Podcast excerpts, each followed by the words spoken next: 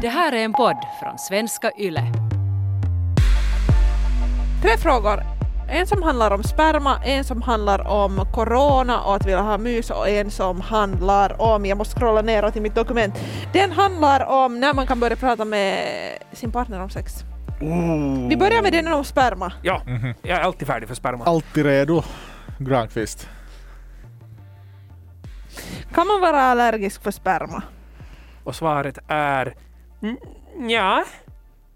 Troligen inte. Mhm. Eller liksom det finns inte i alla fall någon forskning på det. Man kan kanske vara så här känslig för sperma eller för vissa delar av sperman sägs det. Så frågan är egentligen definiera allergi. Mm, Ja, Att det är inte om du frågar någon läkare så nej, det är inte allergi det är frågan om. Utan Nej, man kan reagera på andra människors sperma. mm, typ det. Man kan reagera väl på andra människors sådär kroppsvätskor ganska mycket. Mm. Alltså jag kommer ihåg att om jag hade kunnat sådär lite bli så här röd, flamma upp, rödflammigt. Om jag har fått någon fittvätskor, saft där på mig. Ah, ja. Jag Oho, har lite kunnat sådär. Alltså en specifik människas eller vem som helst? Nej, det är väl mer nog från person till person. Okej. Ja. okej. Nej, men det här sägs ju nog också om sperma, att folk eh, reagerar på eller så här, det är kanske det jobbigaste att de har någon, någon partner som de är med en lång tid och så funkar liksom sperman inte ihop med den människan. Så det är ju lite jobbigt. Kan Mm. hända det någon sådär atopisk hy eller någonting sånt där, att hyn Mm. inte tycker om fukt och Kanske.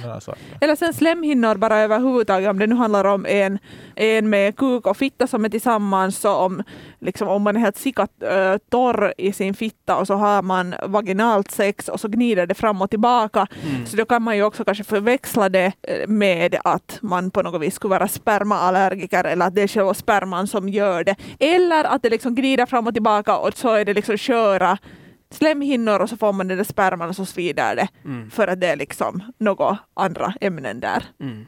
Men sen är det väl också något med spermans pH-värde. Att vissa människor har ett lite högre pH-värde och andra har ett lite lägre pH-värde. Mm. Och sen beror det då på hur det passar ihop med, din, med dina egna könsorgan. Mm. Sen om vi pratar helt om allergi så är det så att om man är super, super allergisk till exempel för någon mat, någon viss mat och den där människan kanske har ätit just av den där vissa sortens mat så finns det ju en eh, risk att någon pico, pico liten del av det kommer ut också i några olika kroppsvätskor.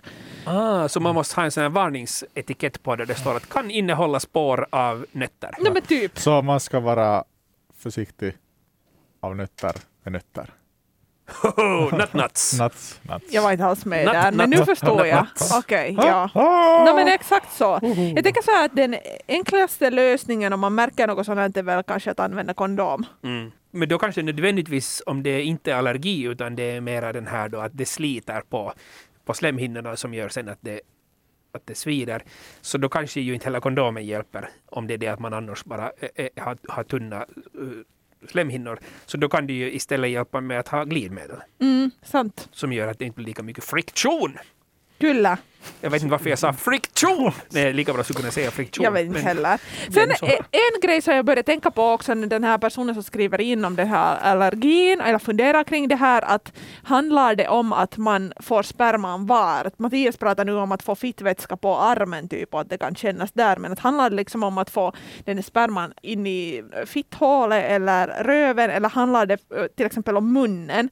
Att man kan ju jag tror att de, i de flesta fall så förväxlar man allergi med liksom något annat sorts symptom eller att något känns liksom dåligt eller äckligt. Att får man sperma i munnen och ska svälja det eller till och med sväljer det och tycker liksom att det känns obehagligt eller börjar må illa eller får någon sorts spyreflex av det så kan man ju börja tänka att okej, att är jag allergisk för det här? Att nu Mm. kroppen motarbetar det som jag har satt in i den.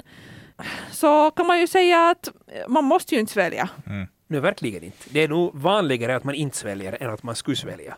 Så det, även om någon kan tycka att nu skulle det vara kiva om du skulle ta i munnen och svälja, men det behöver du verkligen inte göra. Ja, sådär, jag tänker annars också så att hur, hur kiva är det nu att alltså sådär kanske det är ju inte det som man börjar må bäst av att få någon vit smärga i käften.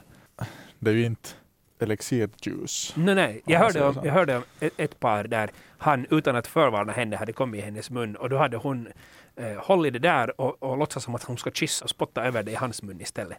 Fick han känna på hur kiva det var. Nice. Det rekommenderas. Ja. Nej. Om någon, jo, om någon kommer i din mun utan att förvarna eller fråga så då tycker jag det Ja, bör jo, man rekommenderas. ska alltid fråga. Man ska alltid fråga. Ja. Vart kan jag komma? Jo, det ska man göra. Hastigt kom vi hit från att prata om allergier. Det är sant. Ännu lite om någonting som kan förväxlas med allergi, eh, bakteriell vaginos som vi har pratat om i ett tidigare avsnitt. Avsnittet heter Tre krämpor som de med vagina bör känna till, typ. Ja, ja. Finns också på arenan. Men eh, eftersom vi snackar om pH-värden och, och, och grejer så att det liksom kan bli obalans med bakterierna i fittan bara av att det kommer in något annat där. Mm. Bakteriell vaginos går ju ändå ganska ofta om av sig själv eller sen så via apoteket så går det att fixa. Jag är singel men skulle så gärna vilja mysa med någon. Men jag vet inte om jag vågar på grund av coronan. Men jag har varit så länge ensam att jag saknar närhet. Är det tryggt att skaffa en ny sexpartner? Nå alltså, när det här avsnittet kommer ut så kommer det här att vara ett, då har vi hållit, alltså då har vi varit i det som vi kallar lockdown i ett år. Mm. Då satt man de första restriktionerna. Det är en helt jävla lång tid. Och där började jag fundera på igår att fits är det länge sedan man har på något sätt kunnat leva någorlunda normalt. Mm. Så det är nog en, en helt jätterelevant fråga. Mm.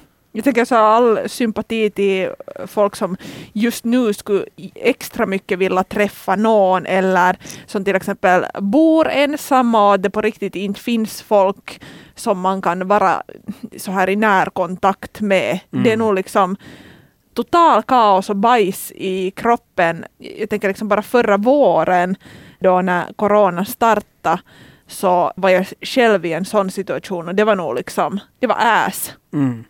Eller inte så mycket ass.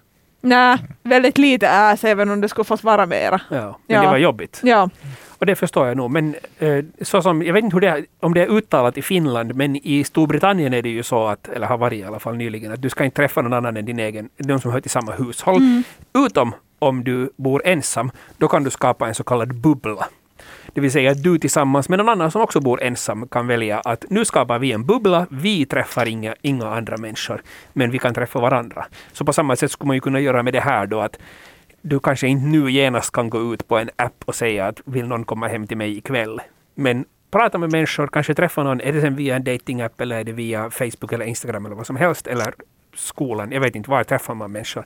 Men att bestämma att hej, ska vi mysa tillsammans? Om det bara är mys man vill ha eller vill, vill, ska vi ha sex? Men kan vi då i en och en halv, två veckor före det försöka att vi inte på riktigt träffar någon annan överhuvudtaget? Att vi skapar en egen liten bubbla som sen blir vår gemensamma mysbubbla. Oh, vem skulle inte vilja vara i en sån?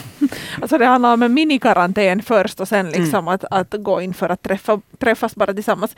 Jag det låter bra. Alltså så som du säger så det går ju inte nu för tillfället kanske att, att dejta 20 stycken eller det går men det är nog inte att rekommendera för tillfället och liksom som svar på den här frågan att det skulle ju vara jättekiva för den här människan att vi skulle svara att jo det är jättetryggt att skaffa en ny sexpartner nu men att det är det inte. Att kanske det enda sättet som det går är det som Dan just beskriver att att välja ut liksom en. Sen tycker jag att det kan vara ganska svårt att välja vem fan är det som man ska bubbla med då.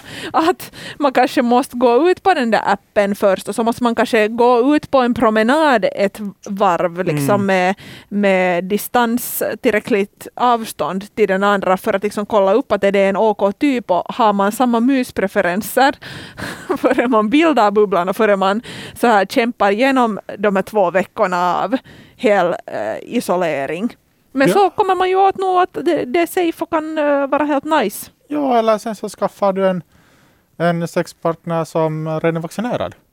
Det är sant. Sant! Det är alltså... Det kan funka också. Det, det Men- nå- Även om det är bara kanske Gunilla 85 Nå, som ja, är men det är ju vaccinerad massor ännu. vårdpersonal som har blivit vaccinerade. Sant. Men samtidigt så vet vi ju inte ännu att är det så att vaccinet också hindrar från att du är bärare och smittar vidare. Det är sant. Så det Men- kanske inte men- funkar. Två men risken- vaccinerade människor tillsammans. Mm, Men ja, det kan man också. Eller men i alla fall att risken blir mindre om den andra personen är vaccinerad. Ja, eventuellt Och lite att, mindre. att du själv, såklart man ska försöka undvika några kontakter nu. Mm. Men inte, inte kan jag sitta här och säga att, att herregud, att det är nu Stopp, stopp, stopp, ingen ska träffa någon. Nej, nej, Men alltså, förstås. att man ändå, man ändå tar direkt känner, man av någon symptom, allt sånt här. Och just som du säger Malena, i sin träffa 20 pers samtidigt. Mm. Men jag tycker nog att det är viktigt, det är jätteviktigt att man, man har rätten att träffa någon. Jo, herregud, man har men, rätten Mm. till närhet. absolut. har- Men om någon skickar in en fråga att, att hur ska vi göra det här coronasäkert? Jag vågar inte riktigt. Så Så det finns inte kanske så mycket coronasäkra sätt. nej, Nej. men, men man, man måste vara försiktig. No, det är kanske liksom så som med allt annat just nu, att man måste göra lite prioriteringar i det som är viktigt för en. Att man funderar, jag i alla fall personligen, att vem jag träffar just nu. Att vad som lönar sig, i alla fall nu på, just nu så är det ju liksom stor kalabalik här och, och funderas hur vi, ska, hur vi ska klara oss genom den här våren igen. Det är liksom déjà vu till förra året, samma Mm. tid, vilket är helt sjukt. Så lite spelöga måste man ju ha där. Och alla drar sitt strå till stacken men försöker samtidigt liksom att sköta om sig själva. För att det, det är kanske det som du Mattias nu säger när du säger att, att man kan inte hindra någon från att träffa någon. För att vi kan inte må skit i, i ett år. Man måste få också liksom träffa folk för att inte eh, helt och hållet gå under. Man behöver andra saker än att vara coronafri för att kunna må bra just nu. Och det är helt klart, så är det. Ja. Sen så, så kan man ju också göra på olika andra sätt. Att om man är jättenervös och man är jätterädd och det är jättebefogat och verkligen inte vill träffa någon annan eller våga ta den risken så kan man ju också ha videosex, Mm. telefonsex. Så att man också breddar sina egna tankar. Okej, hur kan jag få den här om, om det är en sexuell njutning man söker med en annan person. Varifrån kan jag annat, på ett annat sätt få den? Mm. Så kan man ju ha telefonsex. Mm. Kroppskontakt blir det ju inte liksom på något sätt om den här personen nu saknar liksom mys. Mm. mys. Men, men ja, ett helt liksom valid alternativ. Och, och faktiskt, alltså det som jag tror, om vi pratar helt om mys-mys och inte sex, så det som vi pratar om i myspodden, så är det att det som är absolut viktigast i mys är det att man kan vara avslappnad och lugn och bara ligga där eller vara där i stunden. Och om man är jätte, jätte orolig och rädd för coronan, så då, då hjälper det ju inte att man har någon att vara nära. Om Mm. man inte kan slappna av och ta det lugnt, så, så är det så.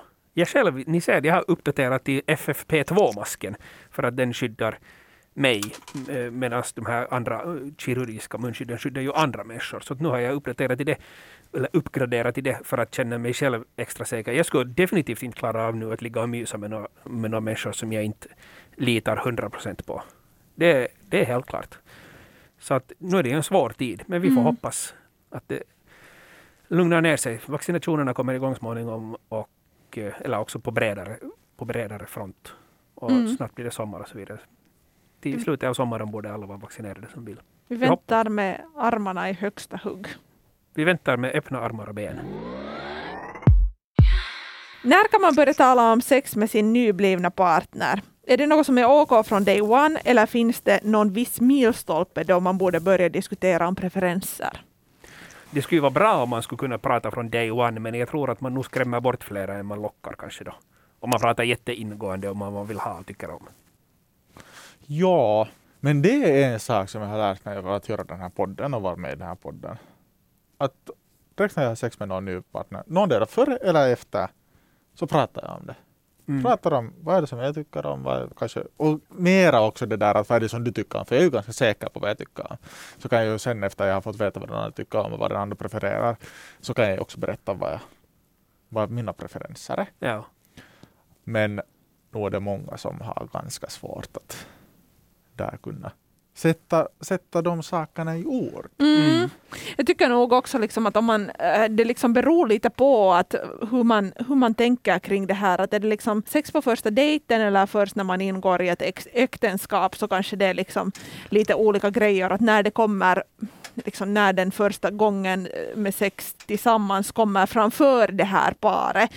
Så som ni nu också säger att, att man vinner helt jävligt mycket på att ha prata om sex eh, gärna innan och att man gärna skulle få göra det. Eh, också lite cred till den här personen som ställer den här frågan för det är någon som helt klart liksom funderar igenom den här grejen. Men så tror jag också att det som Mattias säger att folk har svårt att prata om sex för att man inte är van att prata om sex så är väldigt vanligt. Mm. Och det kanske liksom tillbaks till, till liksom heteronormen som på något vis kanske lite skyddar oss från att inte behöva prata om sex innan vi har sex.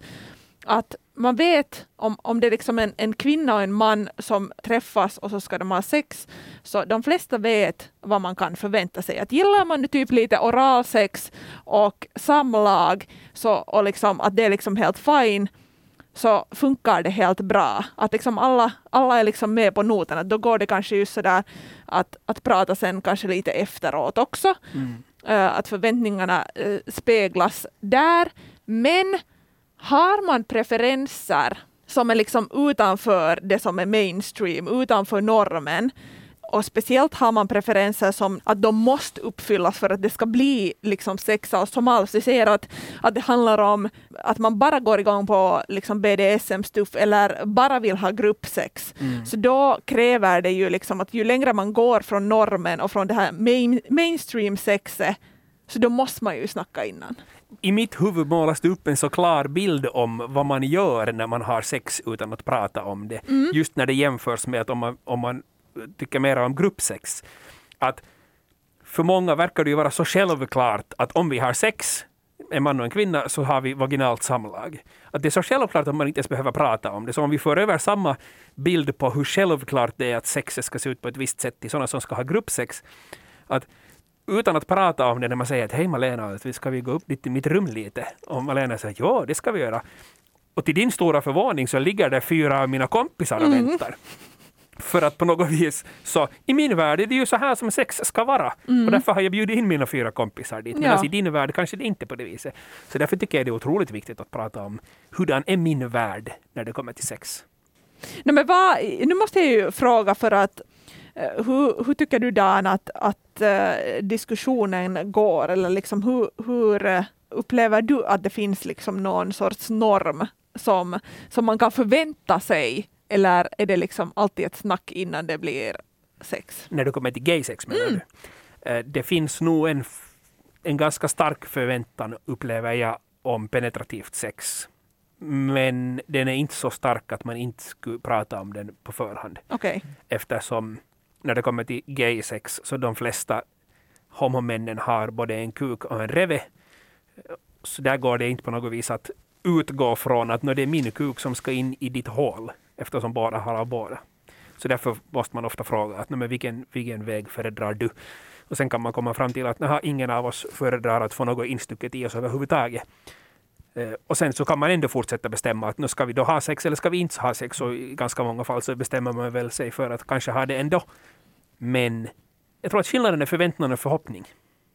När det kommer till heteron så är det en för- förväntan om att det kommer att förekomma penetrativt sex. Mm. Men när det kommer till många gay män så kanske det finns en förhoppning om att det skulle kunna innehålla det. Mm. Men förhoppningen gör att man måste prata om det. Och sen så tror jag att för många kan det vara just svårt den där situationen att man ska på riktigt, man ska sitta på två olika stolar i en bar eller i en, ett café och sen ska man säga, nu jag tycker om det här och vad tycker du om, nu du tycker om det här. Så jag tror att det kan vara jättesvårt. Men man kan också fråga under tiden man håller på. Och det tror jag att det kan vara lättare. Att man då är sådär, hej, vad tycker du om det här? Tycker du det här är skönt? Hej, Mm. hur skulle du vilja att jag skulle röra dig? Alla de här sakerna. Att man lite tar det in samtidigt man håller på vad man nu gör. Alltså, är det så, så kallat förspel eller är det penetrativt? Men då håller direkt hela tiden en kommunikation och det hoppas jag att man annars också skulle göra. Men menar du att du inte skulle bli lite besviken om du skulle gå hem med en tjej och sen under sexet när ni håller på lite och smeker varandra så frågar du att får jag knulla dig? Och så säger hon att nej, vet du jag tar inte pippel i min pimpi. Men nu har det ju hänt. Om det är nu det enda som jag skulle fara dit för, så då skulle jag kunna bli besviken. Mm. Men äh, inte kan jag ju påverka det. Nej, inte kan och inte tycker jag det är jag någon skyldighet det- heller att säga det före man far hem till någon. Eller det är ju så från person till person. Men inte, inte kan jag bli besviken på att någon säger att nej, jag vill inte ha penetrativt sex. Jag tycker nog personligen att det är jättesvårt att i nya förhållanden eller i nya, liksom när man träffar folk liksom första gången, att, att, att säga bara att hej, att jag vill inte ha penetrativt sex. Att eftersom det är liksom en så stark norm så upplever jag det nog som en jättesvår sak. Att om jag inte skulle vilja ha det den dagen, den stunden, så tror jag nog liksom att jag skulle nog få jumpa med det i mitt huvud innan jag liksom skulle kläcka fram eh, det. Mm. Eftersom det finns en så stor förväntning, eftersom så många eh, med Kikkeli njuter av det och kanske lite förväntar sig det, så, så är det nog helt sika svårt att liksom stå på sig själv varje gång och vara sådär att nej, det här är liksom, det här är inte min jotto idag, att sträcka bara min fitta och fingra mig och sen så runkar jag av det lite och, Ja. och, och sen hejdå, liksom. Men jag tror helt på, så som du säger också Mattias, att, att, inte, att du har inte, eller det vet jag, du har inte rätt att bli besviken och jag tror inte att du skulle bli det heller. Men jag, jag, definitivt så tror jag på Malena säger att det är jättesvårt att veta hur man ska säga det. Jo, och jag Ja, tror att ja. just eftersom vi pratar om att det är så sika svårt att, att, att prata om sex innan man har sex speciellt och kanske också efter att man har haft sex, att om man inte är van vid det så besvikelsen blir ännu större för att det är så sika svårt att ens komma dit att man börjar prata eller börjar öppna upp, att man har inte kanske riktigt ord för det heller. Mm. Att bara att säga det där som, som du Dan sa, att, att du får inte sätta in din pippeli i min pimpi. Mm. Så vet du att, att komma så långt så är ganska äh, svårt. Men jag tror att det är viktigt att ändå kunna säga det. Ja, Alltså jätteviktigt. ja. Ja. och öva på det framför spegeln. Ja. Eh, jag, liksom, jag funderar alltid emellanåt på det att, att hur man skulle kunna, just det där som ni, som ni hann snacka om här redan, att sitta där på barstolen och börja räkna upp vad man gillar. Att ah, man är så jävla naken framför den andra, även om man inte är naken där i den stunden, att man drar ju sig för det också, att man, man visar en sån del av sig själv. Då, de gångerna som jag har snackat med folk innan vi har haft sex om sex och preferenser, eh, eftersom jag inte mer har liksom sex med folk eh, utan att ha gjort det, Utan att ha pratat om det. Ja. också. Mm. så har jag fått höra att det liksom stundvis kan bli en filis av att nu har jag en massa vapen mot den andra. Att, Ah. att, liksom, att man ger så mycket av sig själv liksom, och intim info att det blir en filis av att vad kan jag göra med det här? Liksom att nu har jag berättat allt möjligt. Att även om man skulle ha sex och liksom man skulle då se eller känna eller liksom eh, på ett annat sätt uppleva de där vapnen, så det där att berätta så känns liksom jättestort. Mm. Plus att det kan vara jättesvårt att hitta just ord kanske för olika saker. Men ja, inte vet jag. Det behöver kanske inte alltid vara så dödsallvarligt. Alltså, e- en av de bästa diskussionerna där som har startat den diskussionen om preferenser för mig har varit när den andra personen berättar liksom om en misslyckad sexgång. Det kanske beror på också att jag håller på med det här liksom, eh, i mitt arbete och pratar om de här sakerna, så det gör ju kanske enklare också att man öppnar upp och vet att man kan prata om de här grejerna. Och man har kanske lyssnat på mig en stund och så vet man några vissa liksom, preferenser liksom redan färdigt. Men den där människan berättade alltså om en misslyckad sexgång som sen ledde till att vi liksom funderade på det, att varför det var misslyckat och, och vad som skulle kunna gå annorlunda och varför de inte diskuterar om den grejen och så snackade vi liksom själv om det. Att på något vis att, att våga öppna upp på ett no, emotionellt, men att våga liksom öppna upp annars också innan man går in på att liksom säga att det här och det här och det här och det här tycker jag om, så det gjorde det lättare. Ja. Men i vilket skede ska man? Jag har ett, ett konkret exempel som ni får fundera på. Ja. Jag var, äh, träffade en kille för något, något år sedan. Det var, jag, var, jag var själv på resa. Och eh, vi pratade ganska hastigt via, via en app om att vi ska träffas. Eh, och sen bestämde vi att vi går ut på promenad, att vi går ut och går tillsammans. För vi var bara så att jag orkar inte skriva, ska vi, bara, ska vi bara gå ut och gå? Vilket vi gjorde. Och så gick vi jättelångt och jättelänge, typ några fyra timmar gick vi omkring. Och eh, jag kände till och med lite sådär att ah, nu går vi nog ganska mycket. Och sen så bestämde vi att ska vi gå hem till, till, till, ska vi gå till mitt hotell, vilket vi gjorde. Och genast nästan när vi kom in så, jag vill inte säga attackera, men han liksom gick på mina, till mina fötter. Han var jätte, jätte, hade jättestark fotfetisch. Som han inte hade sagt någonting om överhuvudtaget. Jag är ju helt fine med sådana saker. Jag, det är inte själv en preferens för mig eh, med, med fötter. Men jag förstod ju det här väldigt snabbt och jag har ingenting emot det. Mm. Att någon leker med mina fötter. Så jag, det- var helt fine. Och men i efterhand så tänkte jag sådär att nu skulle det nog ha varit schysst om han skulle ha berättat det på för, i förväg. Och det gick ju sen upp för mig, var det därför han ville att vi skulle gå i fyra timmar? Det var han som hade föreslagit att vi skulle gå ut och gå. Var det därför han ville att vi skulle gå i fyra timmar så att jag skulle ha så svettiga fötter som möjligt? Jag vet, alltså jag vet inte, jag vet inte det här. Men för att han aldrig sa någonting så, så fattar jag inte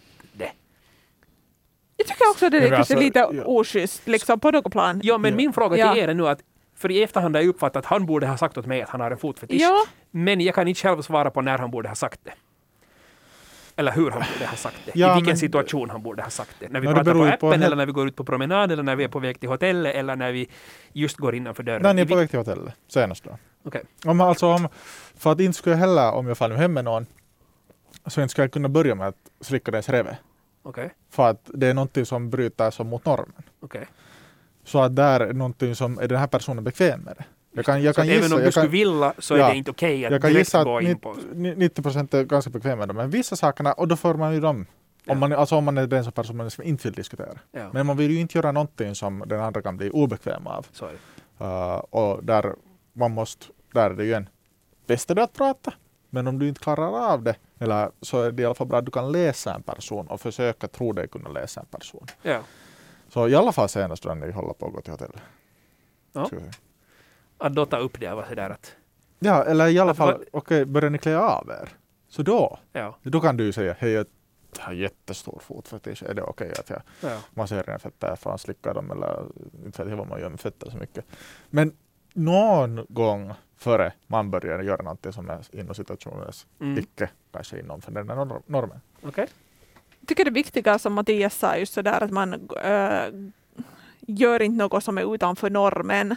Att man, äh, Mattias slickar ingen s- reve utan att, att fråga. Det no, i största allmänhet så Mm, alltså, nå, om utgångsläget för mig är det att, att man slickar ingenting förrän man frågar det. Men att till exempel att eftersom det ändå finns en viss förväntning för vad, vad man kan slicka och vad man inte kan så måste den andra på något vis vara förberedd på det. Jag tänker liksom att du skulle kanske kunna ha, eh, dina fötter skulle vara din största liksom, eh, osäkerhet. Någons Ja. röv kan vara den största osäkerhet, att man är inte färdig att liksom att fuck torkar jag mig nu ordentligt när jag hade varit på morgonrippe, Mm. liksom typ, och den, den andra där med tungan. Att man liksom att man har checkat upp med den andra, så jag tycker det är skitviktigt att på något vis lite oschysst att göra så, även om det nu inte var någon häta uh, i det skedet. Men Men, Ja, för att svara på din fråga,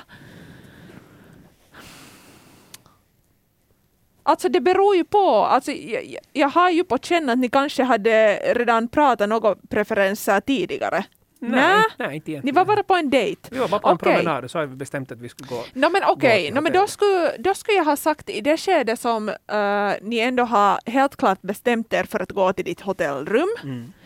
Eh, och liksom, man kan ju inte, man kan ju inte sådär hoppa på den andra bara. Utan eh, i det skede som, som man märker att, att det hettar till eller hettar det till redan när du tar av dig skorna så säger jag att hej, att, att jag tyckte att Sikana om den här långa promenaden för att jag gillar jättemycket fötter. Mm. Att får jag liksom fixa do your toes, Mm. liksom fötter. Alltså kanske Typ. senast, senast då också. Ja, Men jag tycker ju också lite synd. Jag tänker om jag skulle, egentligen har jag ingenting emot det, men jag har nageltrång på mina båda stortår. Mm. Så skulle det ha varit jättejobbigt för honom om han har satt fyra och en halv timme på att få mina fötter svettiga. Och, och sen så säger jag att nej, du får inte, du får inte röra dem för att det Ja. gör ont och de är inflammerade och det är äckligt. Mm. Just nu, mina fötter Mm. alltså. Inte att du går igång på dem. Det skulle vara jättejobbigt för honom. Men det känns som en lite så här, alltså också när jag säger det här så försöker jag fundera, tänka mig in i den här personens eh, liv och värld och världsbild. Så det är ju liksom allt som går utanför normen som blir lite svårare att säga. Men att om du tänker dig själv där på promenaden, att helt samma att när jag tittar på fina hus och, och vackra blommor, så eh, eh, liksom jag som känner dig så vet ju att, att han ska kunna säga att hej att eh, att eh, jag skulle vilja prata om, om en grej som handlar om, om mina preferenser. Att, att får, jag, får jag berätta en grej som är helt Mm. jätteviktig för mig och liksom, Ja. så jag går helt jättemycket igång på. Så skulle du säkert ha sagt att ja. Ja, det finns ju ingen risk att jag ska ha varit sådär. Nå vet du, nej, jag vill ja, inte höra om ja. det. Men om du, skulle, om du inte skulle vilja höra om det så skulle du kunna säga att nej, Ja. inte så jättegärna. Mm. Att Men jag, jag vill inte höra. Skulle jag vilja skrämma iväg.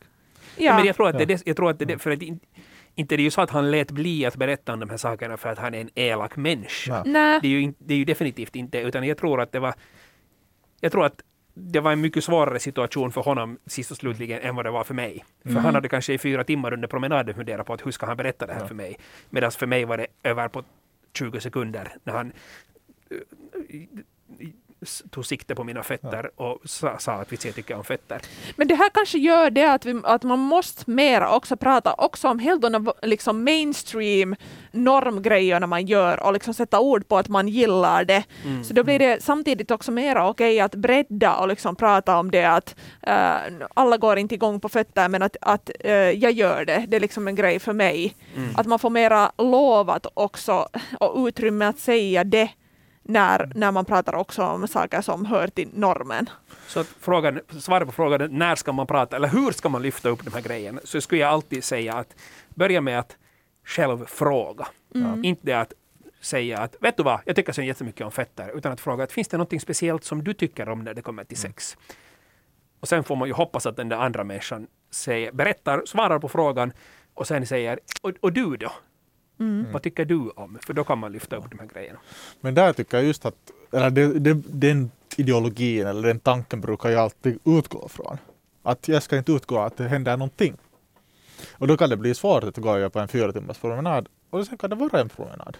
Mm. Och att man aldrig ska ta saker och ting i förhand. Så är det. Och det är kanske då blir det svårare. Sen när man börjar diskutera, hej, på något sätt ens om, om man båda får en gemensam fattning att hej, vi kommer att ha sex. Så då kan man börja diskutera. Men om det inte är en sån, man inte känner det själv, så är det klokast bara att ta det ganska lugnt och sen så ser man vart det hamnar. Följ oss på Instagram, på yleextrem6. Där fortsätter diskussionen tillsammans med mig, Malena. På Instagram kan du också ställa frågor eller komma med förslag på teman som vi senare skulle kunna snacka om i podden.